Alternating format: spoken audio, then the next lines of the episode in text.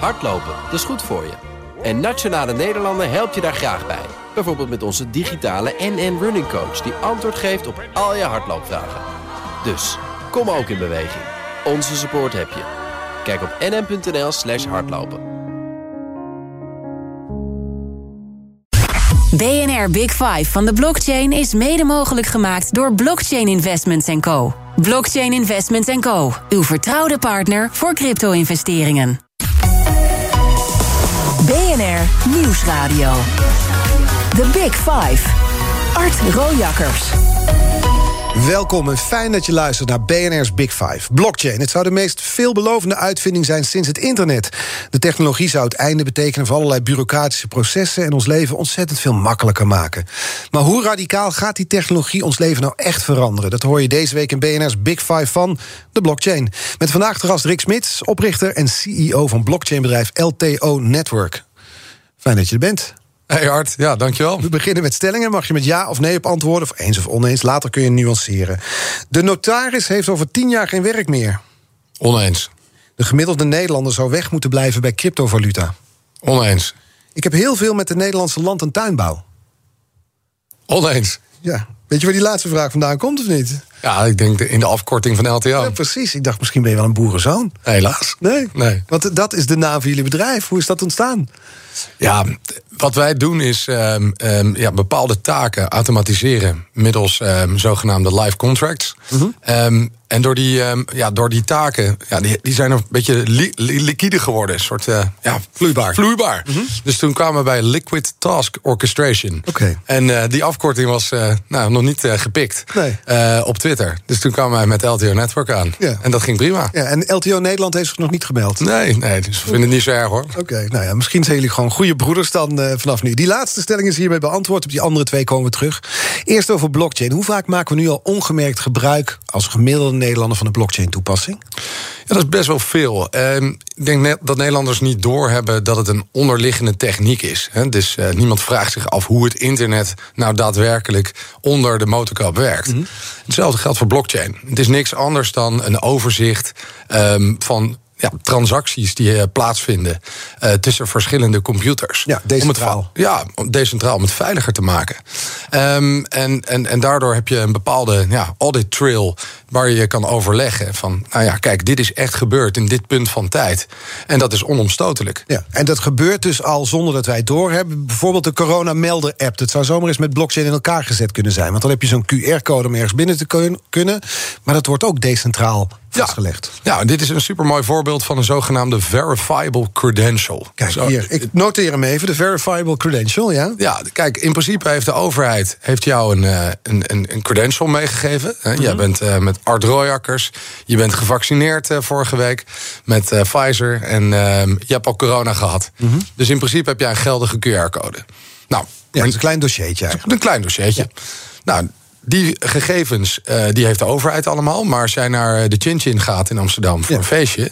Dan, uh, dan denk je, nou goed, ik ga die QR-code laten zien. Maar de portier hoeft niet te weten dat jij Art Royakkers heet... en wanneer je die prik hebt gehaald en uh, alles wat erbij hoort. dat het veilig is. En je moet alleen maar weten dat nou ja, jouw voorletter A is... en R is jouw achternaam en je bent geboren in, let's say, december... Mm -hmm. Nou, dat is het enige wat hij hoeft te weten. Dat kan hij controleren aan de hand van je paspoort. Want die heb je waarschijnlijk wel bij je. En dan kan je zeggen, nou, kijk, ik ben oké. Okay. Ja.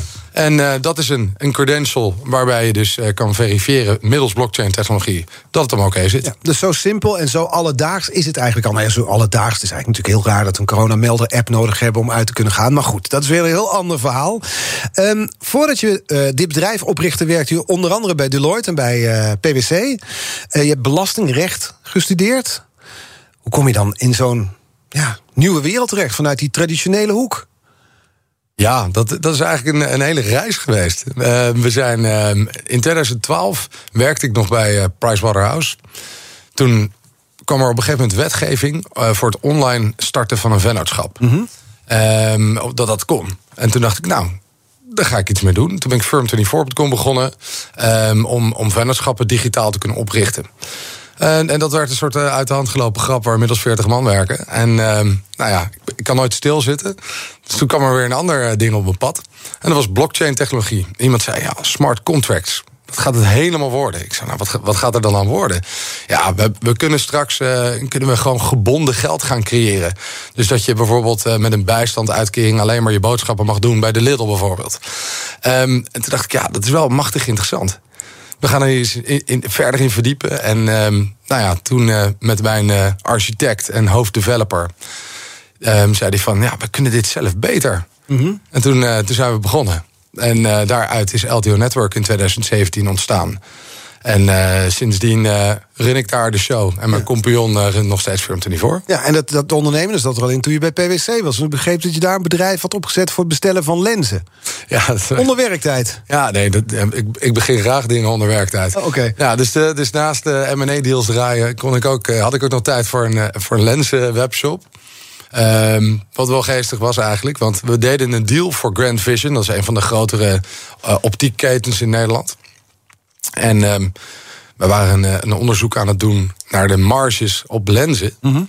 Toen dacht ik, jezus, 70% uh, EBITDA-marge, dat, is, uh, dat is best goed verdienen voor de jongens. Kunnen we dat niet digitaal gaan doen?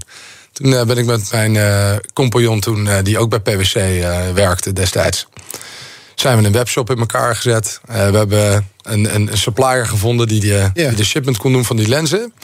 En uh, toen zijn we lensdeal.nl gestart. Het bestaat nog steeds. Ja. En, uh, wij hebben hopeloos gefaald. Echt, dat ging helemaal mis. Maar het zegt iets over de, de onderne het ondernemende karakter dat je hebt. En nu, nu heb je dus LTO Network als CEO. Um, ik heb jullie website bekeken. Dan zie ik een heleboel verschillende soorten blockchain-projecten. En nu komen we een beetje op uh, ja, moeilijk terrein. Want nu ga ik een vraag stellen die voor jou ingewikkeld is. Namelijk om begrijpelijk samen te vatten. wat overheden of organisaties nou kunnen met jullie technologie. En dat, dat is een wereld waarin de afkortingen om je oren vliegen. Dus ik wens je succes met deze vraag. Laten we het heel simpel houden. Dus in principe, overheden, organisaties, grote bedrijven kunnen veilig data delen en verifiëren mm -hmm. op echtheid. Um, identiteiten delen en verifiëren. En die zogenaamde verifiable credentials waar ik het net over had. En dus het maakt niet uit of je het nou voor een coronamelder-app gebruikt. of verifieert of jij wel de eigenaar bent van je huis. Mm -hmm. En dus je kunt het op allerlei manieren inzetten. En dus als jij een claim doet, kan die worden onderbouwd, ondersteund door bijvoorbeeld een bank, een notaris of een andere zogenaamde trusted third party. Ja. Waar jij, um, nou, waar jij een keer geïdentificeerd bent. Maar nu is het dus zo: ik koop een huis of ik uh, weet ik wat, ik, ik wil iets vastleggen. Dan ga ik naar een notaris toe. Dus vandaar ook die, die stelling in het begin: de notaris heeft over tien jaar geen werk meer. Want deze technologie zet dat werk min of meer ja, automatisch om. Klopt dat? Ja, dat klopt. Ik denk ook dat er een andere invulling gaat komen voor ja, zogenaamde trusted third parties, zoals we die nu kennen, zoals een notaris. En dus wat hij nu doet, is Um, hij beheert de derde geldrekening, hè, waar jij uh, het bedrag op moet storten. En de bank ook zijn bedrag op moet storten voordat het huis passeert. Hij controleert of um, uh, de titel nog geldig is op het, op het laatste moment. En of het geld dan ook echt binnen is. En daarna drukt hij op de knop. En dan boekt hij um, de bedragen over naar de koop-verkoper. Ja, dat is natuurlijk een functie die je kan automatiseren. Waarom moet een mens dat controleren en waarom doen de systemen dat niet onderling? Nou, daarvoor kun je onwijs goed blockchain gaan gebruiken. Maar de notaris is nog wel nodig om bijvoorbeeld uh, te kunnen controleren of jij wel handelsbekwaam bent. En dus dat kan een blockchain niet.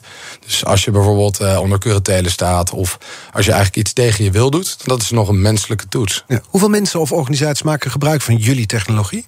Ja, echt heel veel. Dus uh, dat zijn, wij doen ongeveer 60.000 transacties per dag die plaatsvinden op ons netwerk. En dat komt van, van overheden, multinationals en uh, nou, ook kleinere bedrijven. Ja. En het is allemaal open source, hè? dus in principe kan iedereen ermee aan de slag. Ja, het is, het is gratis en open source. Je betaalt wel in een LTO. Hè? Dus voor een transactie betaal je 0,35 LTO om de transactie te mogen doen. 0,35 LTO? Wat, ja. wat, houdt het in? In, in, in euro's is dat uh, een 8 cent. Jullie hebben je eigen munt? Jazeker. Ja, ja, tuurlijk. Waarom ook niet? Ja, je eigen munt en daar wordt dan in betaald. Ja. ja. Dus elke transactie was hoeveel eurocent, zei je? Zo'n 8 eurocent. 8 eurocent. En er waren 60.000 transacties per dag. Ja. Dus dat is jullie verdienmodel. Nee, want dat gaat dus naar de mensen die een node draaien. Dus die, die ook een, een blockchain-node draaien in ons netwerk. Ja, toch voor de luisteraar, een blockchain-node moet je ook maar even uitleggen. Ja, dat is goed. Dus om je netwerk veilig te maken, heb je verschillende nodes nodig. Die eigenlijk een, een kopie opslaan van alle transacties die plaatsvinden.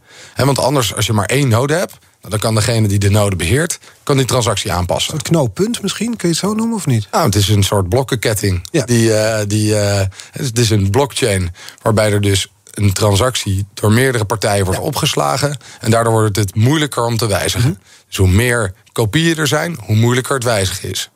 Maar voor, jij doet het ook niet vrijwillig, toch? Dus waar, hoe verdienen jullie je geld? Ja, met projecten. Dus wij, uh, dus wij doen dus de projecten voor bedrijven uh, in samenwerking met integrators. Mm -hmm. uh, of we doen ze zelf. En dan krijgen we gewoon in euro's of in dollars geld overgemaakt om, ja, om dat project uit te voeren. Dus je krijgt per project betaald en niet per transactie. Dat Precies. Ja, ja. ja. En, en jullie hebben onlangs een grote opdracht gedaan voor de Verenigde Naties. Daar gaan we straks uitgebreid over hebben. Um, kun je nog wat voor andere voorbeelden geven die er ontstaan zijn met jullie technologie? Ja, ja zeker. Uh, gisteren is, uh, is iets leuks live gegaan uh, in het kader van BOA's. Controleren van de identiteit van BOA's in, in trams. Um, wat nu in een heel, op een hele kleine schaal is. Dus 20 BOA's maken er maar gebruik van. Maar wat in productie moet gaan. En dan heb je het toch echt wel over duizenden BOA's. Um, en wat, die gaan de trams in om te kijken of je niet zwart rijdt... en dan willen ze je, je paspoort of je rijbewijs no, Normaal moet je dus een pasje overleggen aan... hey, ik ben echt deze meneer de BOA. Mm -hmm. uh, maar nu heb je dus op je telefoon een, een QR-code om te checken... of jij uh, ja, wel echt BOA bent. Nou ja, zodat je niet het hele pasje nog meer hoeft. Dat, dat pasje wordt daarmee overbodig. Pasjes kunnen overbodiger worden. Ja. ja, ja, ja. Um, dus dat, dat is één ding. Um, certificaten. Dus, uh, dus de NEN, dat is het, uh, de, de, het instituut om uh, ja, de certificeringen uit te geven. Die doen het bijvoorbeeld voor zorgverleners in crashes. Om de, ja, de, de certificaten die daar hangen op, op geldigheid te kunnen controleren. Dus kan je als Um, ja, als gewone uh, of als bezoeker van bijvoorbeeld een crash kun je controleren of de certificaten nog op orde zijn.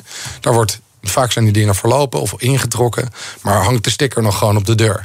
Nu ben je in staat om dat zelf te kunnen checken. Ja, ja. Dus dit zijn kleine voorbeelden waar, ja, waar, dit, uh, waar het wordt toegepast. Ja, en nou gebruikte je net al het woord integrators. Want dat, dat is iets wat van belang is om toch ook voor de luisteraar uit te leggen. In eerste instantie hadden jullie rechtstreeks contact met jullie klanten. Maar daar zijn jullie mee gestopt. Je gebruikt nu dus integrators. Dus ja. zeg maar instanties of bedrijven die jullie helpen om bijvoorbeeld samen te werken met de overheid. Ja. Waarom is dat? Um, blockchain heeft nog een best wel groot educatiestuk. En dus, um, dus als, ik, als ik naar een overheid of een groot bedrijf ga, dan duurt het vrij lang voordat ja, geland is. Ja, voordat geland is wat die technologie nou doet en, en wat de oplossing nou doet. En een integrator die al ja, daar al jaren zit bij een overheid en de software toepassingen maakt voor de overheid of voor bedrijven. Wie zijn er bijvoorbeeld? Wat voor bedrijven zijn dat? Uh, Spherion bijvoorbeeld, mm -hmm. Capgemini, dat soort partijen die dit soort um, um, ja, oplossingen al jaar en dag voor overheden maakt. Die, die, die geven we dan um, toegang tot onze technologie. Hè, die is open source, maar die, die educaten we daar echt op. Van oké, okay, zo werkt het, dit kan je En nou, willen jullie onze techniek gaan implementeren? Ja. Als jullie een casus hebben die goed matcht bij onze techniek. En voordeel is dat jullie, dat jij en jouw mensen niet meer zo door de knieën hoeven om het allemaal uit te leggen aan die ambtenaren die er niks van snappen. Nou, dat is ongenuanceerd wel correct. Ja. Ja, ja, maar goed, dat zul je dit uur, ik ben dan geen ambtenaar, maar dat zul je toch een beetje moeten proberen. Want we gaan nog dieper in de wereld van de blockchain duiken. The Big Five. Art Rojakkers. Deze week vijf kopstukken uit de wereld van de blockchain. Later spreek ik nog met VVD-Europarlementariër Bart Groothuis... en ook met Chris Huls, hoofd van het TechLab bij de Rabobank. Vandaag de gast Rick Smits, oprichter en CEO van blockchainbedrijf LTO Network. Um, we gaan naar Afghanistan. Um, want daar werken jullie um, samen met ja, overheden, of de overheid. In ieder geval is daar een interessant project van start gegaan... gebaseerd op jullie technologie. Kun je eens uitleggen wat daar aan de hand is en wat er gebeurt? Ja. We zijn in uh, 2019 werd er een, uh, een, een, vraag gesteld door de, de Verenigde Naties of uh, we naar New York konden komen voor een, voor een RFP. om te kijken of wij een op RFP? Request for Proposal. Oké. Okay, ja. om, om te kijken of wij een, een oplossing konden maken voor, voor Afghanistan. Mm -hmm. Voor het kadaster al daar. Uh, veel van de gegevens waren vernietigd. Uh, mensen hadden nog hadden kopieën liggen van, uh, van de stukken zelf die ze ooit hebben gekregen. Um, maar ja, heel veel was er niet meer. Dus ze hebben dat land moesten ze opnieuw indelen. Um, dus alle plotjes moesten. Het was niet duidelijk van wie welk stuk land was. Nee, het was daar eigenlijk gewoon een zootje. Mm -hmm. En uh, nou, de Verenigde Naties wilden dat met de lokale overheid, um, de, de Ministry of Urban Land Development, oplossen. En um, ja, die pitch hebben wij gewonnen. Dat komt omdat wij uh, ja, de data die wordt gedeeld over identiteiten en, en, en um, uh, ja, de credentials waar ik het net over had, um, dat dat in, in privélagen kan gebeuren. Dus dat het, dat het niet in een openbare blockchain terechtkomt. Dat was erg belangrijk voor ze. Dus dat er geen privégegevens in een uh, publieke blockchain staan. Um, dus wij hebben die opdracht gekregen. Toen zijn we aan de slag gegaan met een lokaal development team van de Verenigde Naties. Um, en lokaal de, de, de mensen op de grond in Afghanistan. En uh, daar zijn we gaan bouwen aan een achttal modules met LTO Network als onderlaag. Om um, ja, de stukken land opnieuw te kunnen uitgeven en om die titels te kunnen overdragen uh, aan de mensen die, uh, die, die recht hebben op een stukje land. Ja, maar dan denk ik meteen, want dit klinkt ook weer met veel Engels erin als high-tech. Uh, dus dit is een, een, een technologische oplossing in een land waarbij ik niet meteen daaraan denk. Het is een, een jaren van oorlog achter de rug. Dan staan er twee buurmannen naar elkaar te kijken en zeggen: Dit stuk land is voor mij, nee, dit stuk land is voor mij. En dan kom jij eraan en zegt: Ja, maar wij hebben, en dan gebruik je al je Engelse termen. Hoe, hoe los je dat op dan? Ja, dat hoef ik gelukkig niet zelf op te lossen. Nee, um, nee dat, dat je snapt wat ik bedoel. Hè? Ja. Het zijn twee werelden die in eerste instantie weinig met elkaar te maken lijken te hebben. Ja, en, en wat het mooie hier is, je kon vanaf nul beginnen. En dus um, wij hebben in Nederland, uh, volgens mij is het kadaster stond in een kerkboek in 1600 van wie een stuk land was. En um, ja, in Afghanistan uh, kon je vanaf, vanaf scratch starten. Mm -hmm. En, en dat maakt het ook weer, weer makkelijker. En dus als jij een land opnieuw indeelt in plotjes en die opnieuw uh, kan laten uitgeven, um, dan kun je ook nieuwe techniek gaan toepassen vanaf dag één. En ja, dat hebben ze ook gedaan. Ja. Maar nu ben ik, weet ik het, ik, ik woon in Afghanistan, ik wil een nieuw huis kopen. Hoe, hoe gaat het dan concreet met blockchain? Ja, dus het gaat eigenlijk op de manier um, waarop zij eigenlijk dat al deden. Hè. Dus uh, je, je gaat ook nog naar lokale overheid en, daar, um, en, en, en naar een, uh, degene die die titel kan overschrijven. Um, je moet nog steeds je, je paspoort laten zien, maar alles wordt ingevoerd in het systeem. Mm -hmm. en, en als er, een, uh, als er een overdracht plaatsvindt, dan moet dat eerst via nou ja, een bureaucratische molen door verschillende partijen worden goedgekeurd. Maar al die goedkeuringen en al die uh, data die eigenlijk rondgaat. Uh, en die normaal maar op één plek terecht kwam, gaat nu naar meerdere kopieën. Dus je krijgt een soort audit trail van alle informatie die, uh, die plaatsvindt bij zo'n overdracht. Dus als de volgende warlord naar binnen komt om daar het land om te gooien, dan kun je eigenlijk vrij simpel weer achterhalen van wie wat was. Wat natuurlijk ja, vernietigd was ten tijde van. Uh, ja, want de oorlog. Het, normaal in een tijden van oorlog vernietig je het kadaster en dan, dan is daarmee onduidelijk van wie wat is. En nu blijft dat in die blockchain, het blijft bestaan, die kennis. Dus als die, die warlord, zoals je het noemt, als, de, als de, dus de krijgsheer weer verdwijnt, dan is nog steeds duidelijk van wie welk stuk land was. Ja, precies. En dat wilden ze ook graag. Dat wilden de Verenigde Naties eigenlijk neerzetten als, um, ja, als, als, als, als, als soort van open source boilerplate. Waarbij we zeggen. Een open source boilerplate. Ja, dus een, een soort van uh, een, een blauwdruk. Ja, He, okay. dus een, een, een, blauwdruk die door iedereen gebruikt kan worden. Of, ja. je, of het nou Afghanistan is of een ander land. Um, iedereen kan deze blauwdruk um, ja, uit een uh, gewoon, gewoon pakken en gebruiken. Ja, want jullie zijn ook bezig met een uh, ander Afrikaans land om dit toe te passen. Hè? Je kan het dus in andere landen toepassen. Ja, dus dat, uh, dat gaan we nu doen. Ja. het volgende land staat op stapel, inderdaad in Afrika. Ik mag nog niet zeggen welk land. Maar um, een, van, mooi, hè, een van de grotere. Ja. Nee, dat is niet Angola. Oh, okay, ja. Maar je zit in de buurt. Ja, nou. um, nee, dit, ja, dat is waanzinnig. Dat, dat de techniek inderdaad ook wordt omarmd door andere landen. Um, en die die wel wijzigingen toebrengen aan, aan, uh, aan de toepassing zelf. Maar uh, wel gewoon de infrastructuur die wij hebben neergezet. Dat veilig delen van data en credentials ja. over stukken land. En je hoeft niet per land een heel nieuw systeem te bouwen. Je kan gewoon eigenlijk de, de, de basis van het Afghaanse kadaster kun je overal toepassen. Ja, dus die blauwdruk om die informatie over de titels en zo veilig te kunnen delen, die kun je overal toepassen. Of dat nou in Nederland is of, of in Afghanistan, dat maakt niet zoveel uit. Ja. Ik, ik, ik kwam een artikel tegen Forbes, dat heb je Forbes, want jullie, jullie hebben veel internationale aandacht gekregen hiermee, veel, uh, veel lof toegezwaaid, maar er was ook wat kritiek, want volgens Forbes uh, die, die twijfelde over de impact van jullie project, omdat het grondbezit van Afghanistan een geopolitieke strijd is. Sommige gemeenten worden beheerd door de Taliban, andere door de regering. Dus met andere woorden, er is meer aan de hand dan dat je technologisch kan oplossen. Snap je dat, dat punt? Ja, zeker. Kijk, garbage in is garbage out, weet je wel. Dus, dus in principe, een blockchain doet niets anders dan transacties opslaan. Ehm, en als die transacties worden opgeslagen door de Taliban, omdat die een bepaalde gemeente besturen, ja, dan, dan is dat correct. Maar het enige is dat in het systeem wel bepaalde checks zijn ingebouwd om die bureaucratie te waarborgen. Ehm, dus een transactie die wordt gedaan door een, een door Taliban bestuurde gemeente, wordt niet per definitie geaccepteerd door het hele netwerk. Nee. En dat maakt het dus weer veel veiliger dan dat het was. Ja. Want vroeger was het inschrijven klaar. En nu is het nee, we, we checken en we accepteren pas een transactie. Mits bijvoorbeeld de lokale overheid het ook go- goed vindt. Ja. Eh, In het artikel zei ook, zonder genoeg stabiliteit in een land is het een uitdaging om blockchain standaard voor landregistratie, wat dit dus is, in ontwikkelingslanden af te dwingen.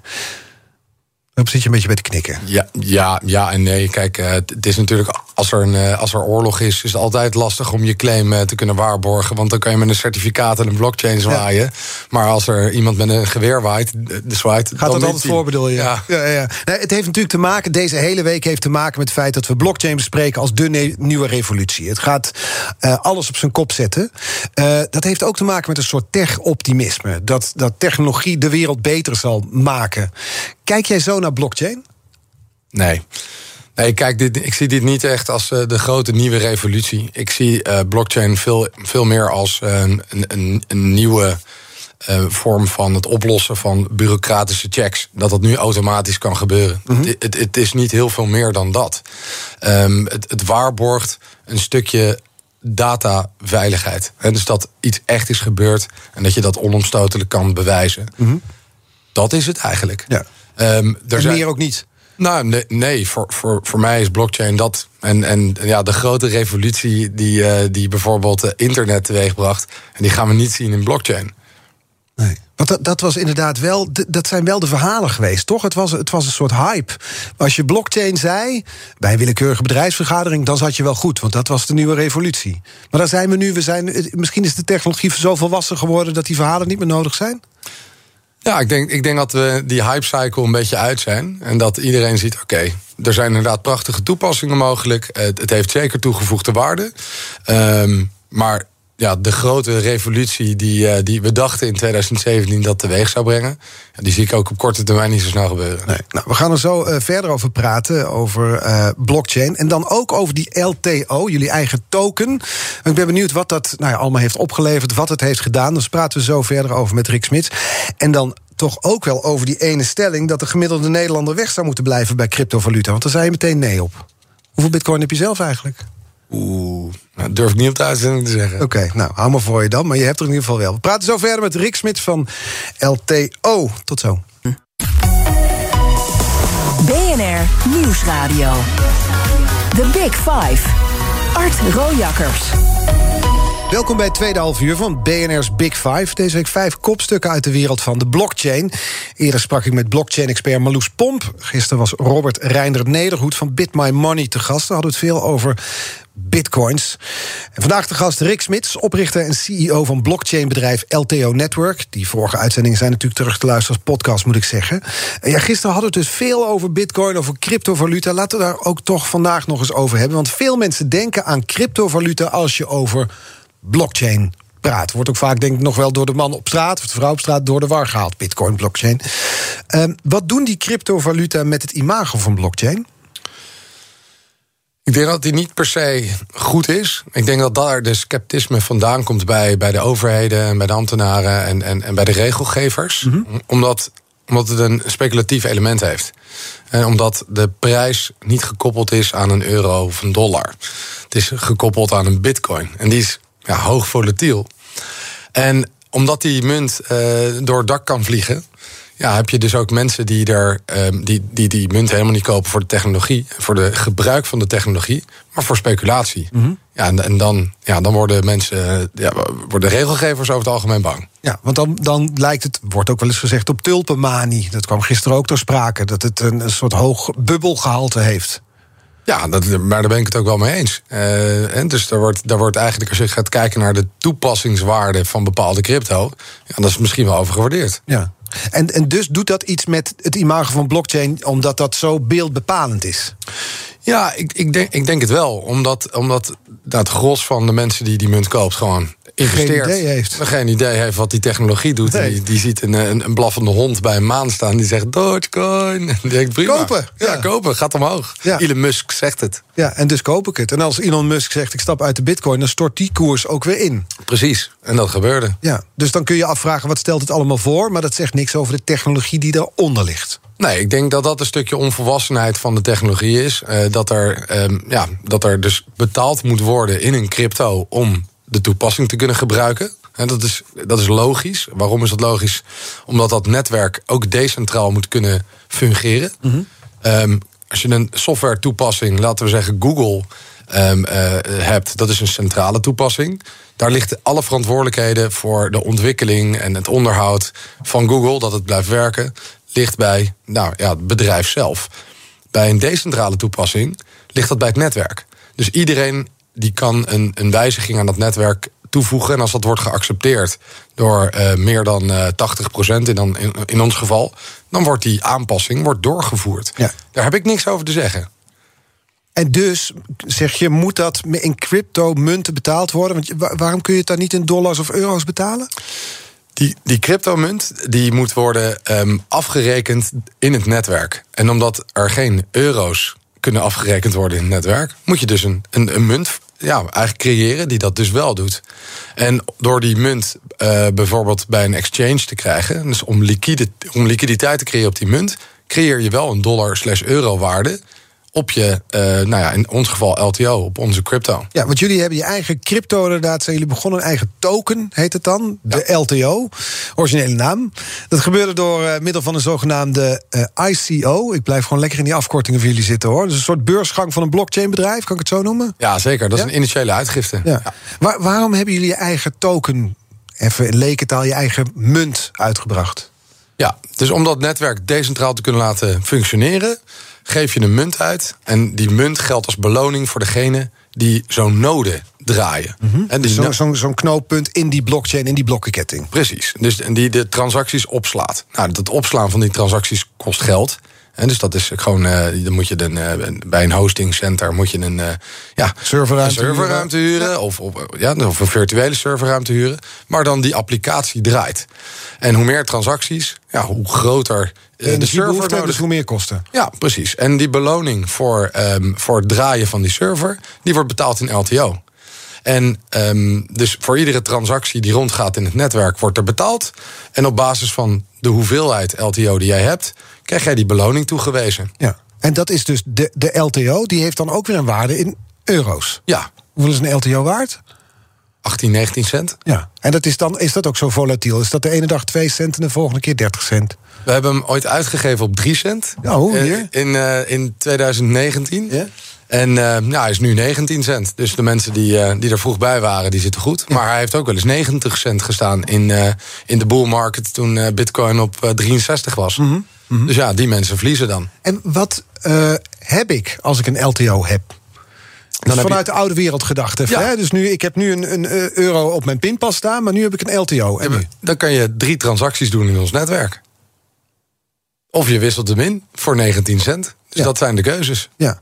En, en dat kan ook gekocht worden op een handelsplatform, jullie munt. Ja, klopt. Ja, dat kun je op verschillende handelsplatformen in Nederland kopen, maar ook op Binance.com, wat de bekendste is. Precies, maar dat heeft alleen eh, toepassing als ik van jullie netwerk gebruik maak. Anders heb ik er eigenlijk niks aan. Nou ja, goed. Sommige mensen zien het dus ook als een speculatief element. Waarbij ze zeggen: Oké, ja, eh, ik geloof in deze oplossing. Ik geloof dat die kan groeien. En eh, nou ja, ik, ik wil er wel onderdeel van uitmaken. Ja, nou snap ik, want die uitlag was duidelijk. Ik snap waarom je dus een cryptomunt hebt om in zo'n netwerk te kunnen betalen. Omdat dat nou eenmaal allemaal decentraal is en dat bestaat nou eenmaal niet in euro's. Maar waarom kon dat niet bijvoorbeeld met bitcoin of met een andere cryptomunt die al bestond? Waarom moesten jullie een eigen munt uitbrengen? Ja, dus om de, om, eigenlijk omdat Bitcoin vrij duur is en langzaam, ehm, hebben wij. Langzaam? Ja, de, een transactie verifiëren in het Bitcoin-netwerk, dat, dat duurt soms wel eens twee uur als het druk is. Ja, Weet d- ik niet. Ja, en als je een pdfje uploadt en daar wil je een, een, een, een digitale vingerafdruk op zetten en dat duurt twee uur. Nou, je tijd hebben we niet Dat- in de digitale wereld. Precies. We moeten door. Dat moet, dat moet Dus hoe lang duurt het bij jullie? seconde. Ja, ja dus daar, dat was een reden. En bitcoin is duur, zei je. Ja, dus, dus een transactie op bitcoin is vrij duur. Um, en ja, goed, dan, dan moet je dus betalen in, in sats, hè, in satoshis. En um, ja, goed, eh, in, in LTO is dat een, een schrijntje van wat het kost op uh, bijvoorbeeld Ethereum aan gas of uh, op bitcoin. Uh, aan Satoshis. Ja, maar eerder, eerder heb je getest of de, de, de blo jullie blockchain ook op Ethereum, Ethereum uh, kan draaien. Er zijn veel gebruikers en bezitters zijn er lovend over, over die munt. Jij was niet onder de indruk. Nee. Waarom nee. niet? Nou ja, goed, de, de toepassing die wij zochten. Hè, dus wij dachten dat smart contracts ook echt uh, ja, bepaalde oplossingen kon bieden op het uh, juridische domein. Um, en dat was gewoon niet het geval. Het is een, een, een smart contract is echt een, een, een escrow, een zogenaamde escrow agreement. En dus waarbij iemand. Dat is een escrow agreement. Ja, waarbij twee partijen uh, een, een, een geld storten. Dus of, of het dat nou een, een, een, een, bit, of, nou ja, een Ethereum munt is in ruil voor een andere munt. Ja? En die wordt, wordt eigenlijk gewisseld als er bepaalde conditie wordt vervuld. En dus, Je bent me kwijt. We Ja. gaan nog heel even terug. We gaan terug. Een escrow agreement. een escrow agreement waarbij dus, waarbij dus een, een token wordt gewisseld... Ja? op het moment dat bijvoorbeeld jij 18 wordt. Of, Ja. nou jij bent dat al geweest. Maar hè, dus als bepaalde condities vervullen... wordt dat geld automatisch gewisseld. Ja. Dat kan je niet meer tegenhouden. Dus de partijen zijn in staat om weg te lopen van dat smart contract... en wordt het nog steeds uitgevoerd. Omdat je het van tevoren stort in het contract zelf. Helder. Ja, oké. We gaan naar een kettingvraag toe. Eh, die is van Robert Reiner Nederhoed. Die was gisteren eh, te gast hier. En eh, hij had deze vraag voor jou. Ja, nou, Rick, ik ben heel erg benieuwd. Kijk, ik ben al gestempeld als een Bitcoin-gelovig. Ik ben heel erg benieuwd dat. Hoe ga jij, want hij heeft ook een andere blockchain trouwens. Hoe gaan jullie van LTO Netwerk ehm, straks om met Bitcoin als onderpand in jullie contracten? Ja. Leg hem maar uit. Hoe ga je om met bitcoin als onderpand in jullie contracten? Ik kan me voorstellen dat veel luisteraars nu denken... ik snap niks van deze vraag. Dus misschien moet je hem eerst nog even uitleggen. Ja, waar hij op doelt is eigenlijk, um, um, ja, eigenlijk de zogenaamde decentralized finance uh, beweging. Die Ja, nu de aan de DeFi is die afkorting weer, hè? Die- ik leer bij, hoor, deze week. Ja, klopt. Um, uh, waarbij dus, ja, wat ik net al zei, je stort een bepaalde munt Mhm. als onderpand. En vervolgens kan je, nou ja, bijvoorbeeld met geleend geld uh, kun je gaan handelen. Of krijg je daar een andere munt voor terug. Um, maar dat kan niet op LTO Network. En dus dus in, in LTO Network hebben we het zo vormgegeven dat we alleen maar data kunnen uitwisselen. Dus je kan niet ander, andere munten storten in het, in het contract bij ons. Nee, dus die, die, die bitcoiners, bitcoiners onderpand kan helemaal niet in jullie contract. Nee, maar ik, ik snap wel waar hij op doelt. Ehm, en volgens mij heeft hij een, een, een ander eh, project eh, onder ogen gekregen waar ik ook bij betrokken ben. Dat is Florence Finance. En daar ehm, eh, is dit wel van toepassing. Ehm, waarbij, waarbij je inderdaad een, een, een, een ja, onderliggend onderpand kan storten. Ehm, ja, om, om, om bijvoorbeeld liquiditeit te creëren op een, op een andere markt. Ehm, en daarbij is Bitcoin dus heel moeilijk om in een ja, smart contract van Ethereum te krijgen. Want die twee blockchains praten niet met elkaar. Ja. Ik merk dat dit zo, zo toegepast en technisch is dat we deze kettingvraag gewoon laten liggen. Want ik, ik ben bang dat met mij heel veel luisteraars het ook niet begrijpen. Vind je dat goed of niet? Ja, laten we doorgaan. Nou, want, want dan gaan we toe naar termen die we wel begrijpen hier bij, eh, bij, ook bij BNR. Jullie gaan met LTO die andere munten slopen, heb je ooit gezegd in een interview over Bitcoin en Ethereum. Is nog niet echt gelukt. Nee, zeker niet. Nee, we zitten, we zitten nog een stukje achter op de market cap van, eh, van ETH. Ja. Ja, ik denk dat dit een mooi eh, uit, eh, uit zijn verband getrokken verhaal Ah. was van Sander. Ja, ja, want dat werd inderdaad in quote gezegd. We gaan het, eh, we gaan het slopen, maar dat klopte niet helemaal, die uitspraak. Nee, nee, nee. nee. Oké. Eh, we praten zo verder met. eh, ehm, ehm, eh, nou ja, waar gaan we het over hebben? We gaan het over van alles hebben nog. Er moet nog zoveel hier over blockchain, over het klimaat, over van alles en nog wat. Dus we praten zo verder met Rick Smits, oprichter en CEO van blockchainbedrijf LTO Network. BNR Nieuwsradio. The Big Five. Ja, in de Big Five hebben we het vandaag over blockchain. En doen we met Rick Smits, CEO en oprichter van blockchainbedrijf LTO Network. We hebben nog één stelling waar we op terug moeten komen in het begin. Dat was, de gemiddelde Nederlander zou weg moeten blijven bij cryptovaluta. Ehm, daarop zei je oneens. Terwijl we bespraken net, het is niet per se goed voor het imago van de technologie. Er zit ook iets van een hype in, er zit veel speculatie in. En toch zeg je, nou, de gemiddelde Nederlander hoeft er niet weg te blijven. Ja, nee, zeker niet. Vertel. Nee, ik denk dat um, je, ziet, je ziet heel erg onder jongeren zie je de populariteit van crypto toenemen. Omdat het gewoon super simpel is om, om daarin te handelen. En um, ja, goed, er zitten super veel risico's aan in het handelen van cryptovaluta. Dus doe dat vooral niet met geleend geld of, of, of geld dat je niet hebt. Maar het heeft ook een soort van ja, een fun element. En dus handelen crypto is ook nog eens leuk. Waarom? Omdat je echt betrokken wordt bij, um, ja, bij het reilen en zeilen van zo'n bedrijf. En dus heel veel mensen zitten in de Telegram groups, um, in de Twitter groeps. En je kan echt actief bijdragen aan het succes van zo'n munt. En dat vind ik iets hebben wat je nog niet eerder hebt gezien in bijvoorbeeld de aandelenhandel of mhm. investeren in, in, in vastgoed. En daar is het uh, wat passiever. En daar zit je meer op de bagagedrager. Hier heb je echt het idee dat je, dat je iets kan toevoegen. Ja, en dus is het ook wel daarmee interessant, omdat, daar hadden we het gisteren over, het financiële systeem zoals we kennen, wordt uitgedaagd door deze nieuwe technologie. Het is interessant om daarbij te zijn, zeg je. Ja, ik denk dat dit wel een wijze gave movement is. Kijk, de, de banken die hebben, ja, die houden gewoon eh, de, de hand op de knip, bijvoorbeeld voor het MKB. En dan komen er vanzelf oplossingen die, uh, ja, die vanuit de DeFi-movement dan nu ontstaan. dus mensen krijgen negatieve interest op hun, uh, op hun bank, zal die. boven de ton moet je een half procent gaan betalen aan de bank. Ja, terwijl je in de DeFi-space, daar krijg je nog rendementen van 10% plus. En ja, goed, dan zie je gewoon vervolgens een uitstroom van, bij banken naar de, naar de crypto-space. Ja. En dat geld wordt aan het werk gezet uh, op, op verschillende wijzen. Ja, en nu komen we op een interessant punt, want daar hadden we het gisteren ook over met Robert Reiner Nederhoed. Die banken, als je kijkt bijvoorbeeld naar de centrale bank, uh, we hadden het met hem over het klimaat van Nederlandse cryptobedrijven. Nederhoed zei ja, voor de Nederlandse bank maakt eigenlijk cryptobedrijven het werk bijna onmogelijk. Hoe zie jij dat? Ja, ik ben het daar wel mee eens eigenlijk. Want um, ze hebben doorgeslagen regelgeving geïntroduceerd die veel strenger is dan ja, eigenlijk in de rest van Europa uh, geldt. Um, ik vind daar uh, de, de, de Bitonic-casus wel echt een, een, een, een, voorbeeld van. Ja, dat was een platform uh, waar je kan handelen in, in cryptomunten. En die moesten. Nou, hoe zat het ook weer? Leg jij het maar uit.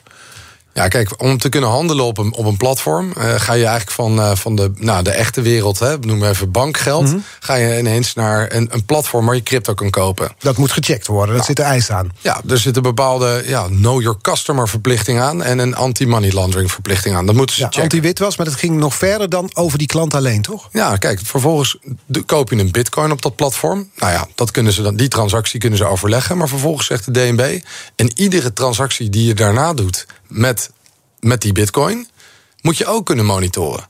Maar dat gaat niet. En dus als jij vervolgens uit, als jij dus naar een adres overmaakt wat niet onder controle staat bij dat handelsplatform, ja, daarmee vervalt hun verplichting. Ze kunnen dat niet eens controleren. Nee, en dus dat werd een grote zaak. Ja. Het is vervolgens, uiteindelijk heeft het platform gelijk gekregen. Een lang verhaal samengevat. Lang, lang verhaal kort, de rechter heeft de DNB teruggefloten en volledig terecht. Ja. Jij zei ooit, dat vond ik ook een mooie uitspraak... het lijkt alsof een stagiair die een keer in een cryptomunt heeft gehandeld... het beleid bij de Nederlandse bank schrijft. Ja, dat, het is echt uh, het is tergend. Ja, het is, uh, maar is het echt zo erg? Ja, ik, ik vind dat, ze er, uh, dat de mensen die daar uh, de regels uh, opstellen en, en, en implementeren, gewoon niet genoeg zich hebben verdiept in wat er gaande is in deze, met name nu DeFi-movement. Ja, die decentralized finance, dus dat, eigenlijk die platformen, zeg maar, die cryptovaluta. Um, maar, maar hoe komt dat dan, die, dat daar zo'n gebrek aan kennis is? Is dat, zoals Robert Reinert Nederhoed gisteren zei, ja, die cryptomunten zijn ook een bedreiging voor centrale banken. We halen misschien wel bestaansrecht voor die centrale banken onderuit. Heeft het daarmee te maken, denk je?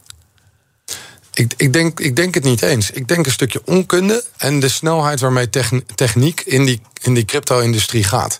En dus het gaat super snel. En als je je niet de hele dag daarmee bezighoudt, dan raak je al snel achter. En um, nou, ik denk dat ze te veel leunen op, op adviseurs die, uh, die er ook geen kaas van hebben gegeten of die er niet diep genoeg in zitten. Um, dus ja, ik raad echt aan om mensen die, die echt diep in de DeFi-space zitten of in de crypto-space zelf zitten, om die te gaan aannemen, om, uh, ja, om, om het bij te benen. Maar kunnen ze die wel betalen dan? Ik denk die zijn allemaal zo rijk aan het worden daar. Dat, dat, je gaat er nooit van ambtenaar salarisje werken.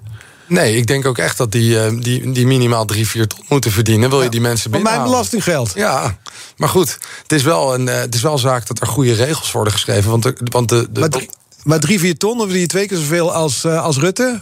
Ja, maar ja, goed, als, de, als vervolgens het geld dat wordt verdiend in deze industrie en de belastingen die daarop worden betaald, 15.000 keer dat salaris goed maken, dat is toch prima? Ja, nou ja, je hebt zoiets als de balken en de norm, of weet ik wat, weet je wel. Maar dat, dat is allemaal heel klein gedacht wat ik nu doe. Ook al afschaffen. Oké, we zijn hard bezig nu. Die schaffen we ook al af. Maar dat is dus nodig om de kennis bij dat soort overheidsinstanties te verhogen. Want ze lopen hopeloos achter. Dat is wat je zegt. Ja, zeker. Ja. Maar is dat überhaupt in te halen? Of is het gewoon, het is een hele nieuwe wereld waarin nieuwe wetten en regels gelden. Dat, dat, dat oude systeem kan er toch niet bij houden. Nou, het, allereerst moet er gewoon op Europees niveau moet er gewoon uh, een, een, framework komen waarbij, mm. waarbij, waarbij iedereen dezelfde lijn aanhoudt. Kijk, als land kun je heel moeilijk je eigen koers gaan varen, omdat crypto iets redelijk ongrijpbaars is. En dus als jij in het ene land bepaalde regels opstelt, gaat een cryptobedrijf, omdat het zo decentraal is, um, vaak gewoon naar een ander land om daar de, de operaties uit te voeren en de omzettingen van hun crypto te doen en dat soort dingen. En dus dan zie je zo'n exchange zie je gewoon verdwijnen. Um, dus, dus op Europees vlak moet er, moet er iets komen. En daarnaast denk ik dat, uh, dat Europa deze, ja, deze beweging moet gaan omarmen. Mm -hmm. Dus in, in, in Amerika is er, is er prachtige regelgeving, ligt er op tafel voor het creëren van zogenaamde stablecoins. En dus, dus, dus munten die één op één gekoppeld zijn aan een dollar. Mm -hmm. Um, en ja, in Europa zie ik dat gewoon nog niet gebeuren. Er is nog niet echt een euro stablecoin waar we wat mee kunnen. Nou dat brengt ons bij de gast van morgen, want die mag je een kettingvraag stellen. Dat is VVD-Europarlementariër Bart Groothuis. Houdt zich bezig met blockchain, houdt zich bezig met cryptomunten. Wat zou je hem willen vragen? Ik zou hem willen vragen wat zijn uh, visie is op het uitgeven van een uh, euro stablecoin. Uh, wil hij dat graag aan SEC, de Nederland, of over, aan de Europese Centrale Bank overlaten? Of vindt hij het oké dat andere partijen ook in staat zijn om een stablecoin gekoppeld aan de euro te creëren, mits ze daar voldoende collateral voor aanhouden? Dus als er voldoende onderpand is om, die, um, om die munten, om die stablecoin euro te kunnen uitgeven. Ja, en wat denk je dat zijn antwoord zal zijn? Ik, ik hoop het laatste. Ja. En wat, wat zou dat brengen? Um, dat zou meer innovatie brengen naar Europa. Um, je ziet in Amerika zijn alle grote handelsplatformen gevestigd. Um, en uh, ja, eigenlijk, eigenlijk, zie je daar de, de, de transitie veel sneller gaan. En met name ook in, de, in die DeFi-space. en ja, in Europa blijft dat toch wel een beetje achter. Partijen zijn echt huiverig om zich te vestigen in Europa. Vanwege onder andere de regelgeving? Vanwege onduidelijkheden in de regelgeving. Ja. Ja. Maar waar ligt voor jouw bedrijf eigenlijk de toekomst? Ja, voor ons is het eigenlijk zoveel mogelijk transacties op ons netwerk krijgen. Dus daar, daar zit de waarde in. De groei van ons netwerk zit hem in de, de extra transacties die worden toegevoegd. En um, ja, dat is bij ons nieuwe projecten aansluiten. Zorgen dat de projecten die in pilotfase zitten, dat die naar productie gaan. Hè? Dus mhm. dat die dus worden uitgerold over, uh, over iets dat in dagelijkse toepassing is, zodat die transacties omhoog gaan. Ja, maar dat, dat is de groeifase inderdaad. Maar de ambitie, waar, waar, waar moeten jullie naartoe? Of waar wil je zelf naartoe? Ja, voor ons is het gewoon een van de leidende uh, platformen in Europa worden. dus uh, zorgen dat wij uh, de, de go-to blockchain zijn als het gaat om uitwisseling van data, verifiable credentials en identities. dat is wel echt onze ambitie. Ik help het je hopen. Er zal hard aan gewerkt moeten worden, want er is veel concurrentie volgens mij. Ja, zeker. Kijk, ehm, iedereen heeft. er zijn genoeg partijen die, die, die ook blockchain-oplossingen hebben, maar ja, wij hebben een bepaalde focus en niche gekozen dat we het echt puur en alleen voor bedrijven en overheden doen. Mhm. En minder op de, nou, ik noem het maar even, consumentenkant gaan zitten. Um, en ja, er zijn zoveel blockchain-toepassingen. Um, ik geloof dat er meer dan 5000 blockchains inmiddels zijn. En die hebben allemaal hun eigen invalshoek gepakt om daar, uh, nou ja, om daar hun, hun toegevoegde waarde te leveren. Ja. Maar bestaan ze over tien jaar allemaal nog? Nee, zeker niet. Ik uh, wil je danken. Je hebt de deur uh, naar een nieuwe wereld voor ons vandaag op een kiertje gezet. Er hoorde ter terminologie bij die ik soms niet helemaal begreep. Maar we hebben ons er dapper doorheen geworsteld. Ik hoop dat ja. je niet te diep door je knie hebt moeten gaan... om onze luisteraars mee te nemen in je wereld. Ik hoop dat het gelukt is. Oké, dank in ieder geval voor de komst vandaag. Rick Smit, CEO en oprichter van blockchainbedrijf LTO Network. Morgen hier dus de gast VVD-Europarlementariër Bart Groothuis...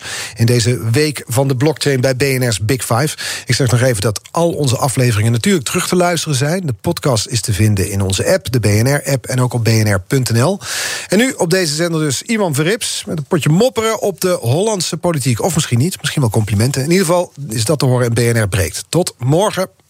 BNR Big Five van de blockchain is mede mogelijk gemaakt door Blockchain Investments Co. Blockchain Investments Co. Uw vertrouwde partner voor crypto-investeringen. Hardlopen, dat is goed voor je. En Nationale Nederlanden helpt je daar graag bij. Bijvoorbeeld met onze digitale NN Running Coach... die antwoord geeft op al je hardloopvragen. Dus, kom ook in beweging. Onze support heb je. Kijk op nn.nl slash hardlopen.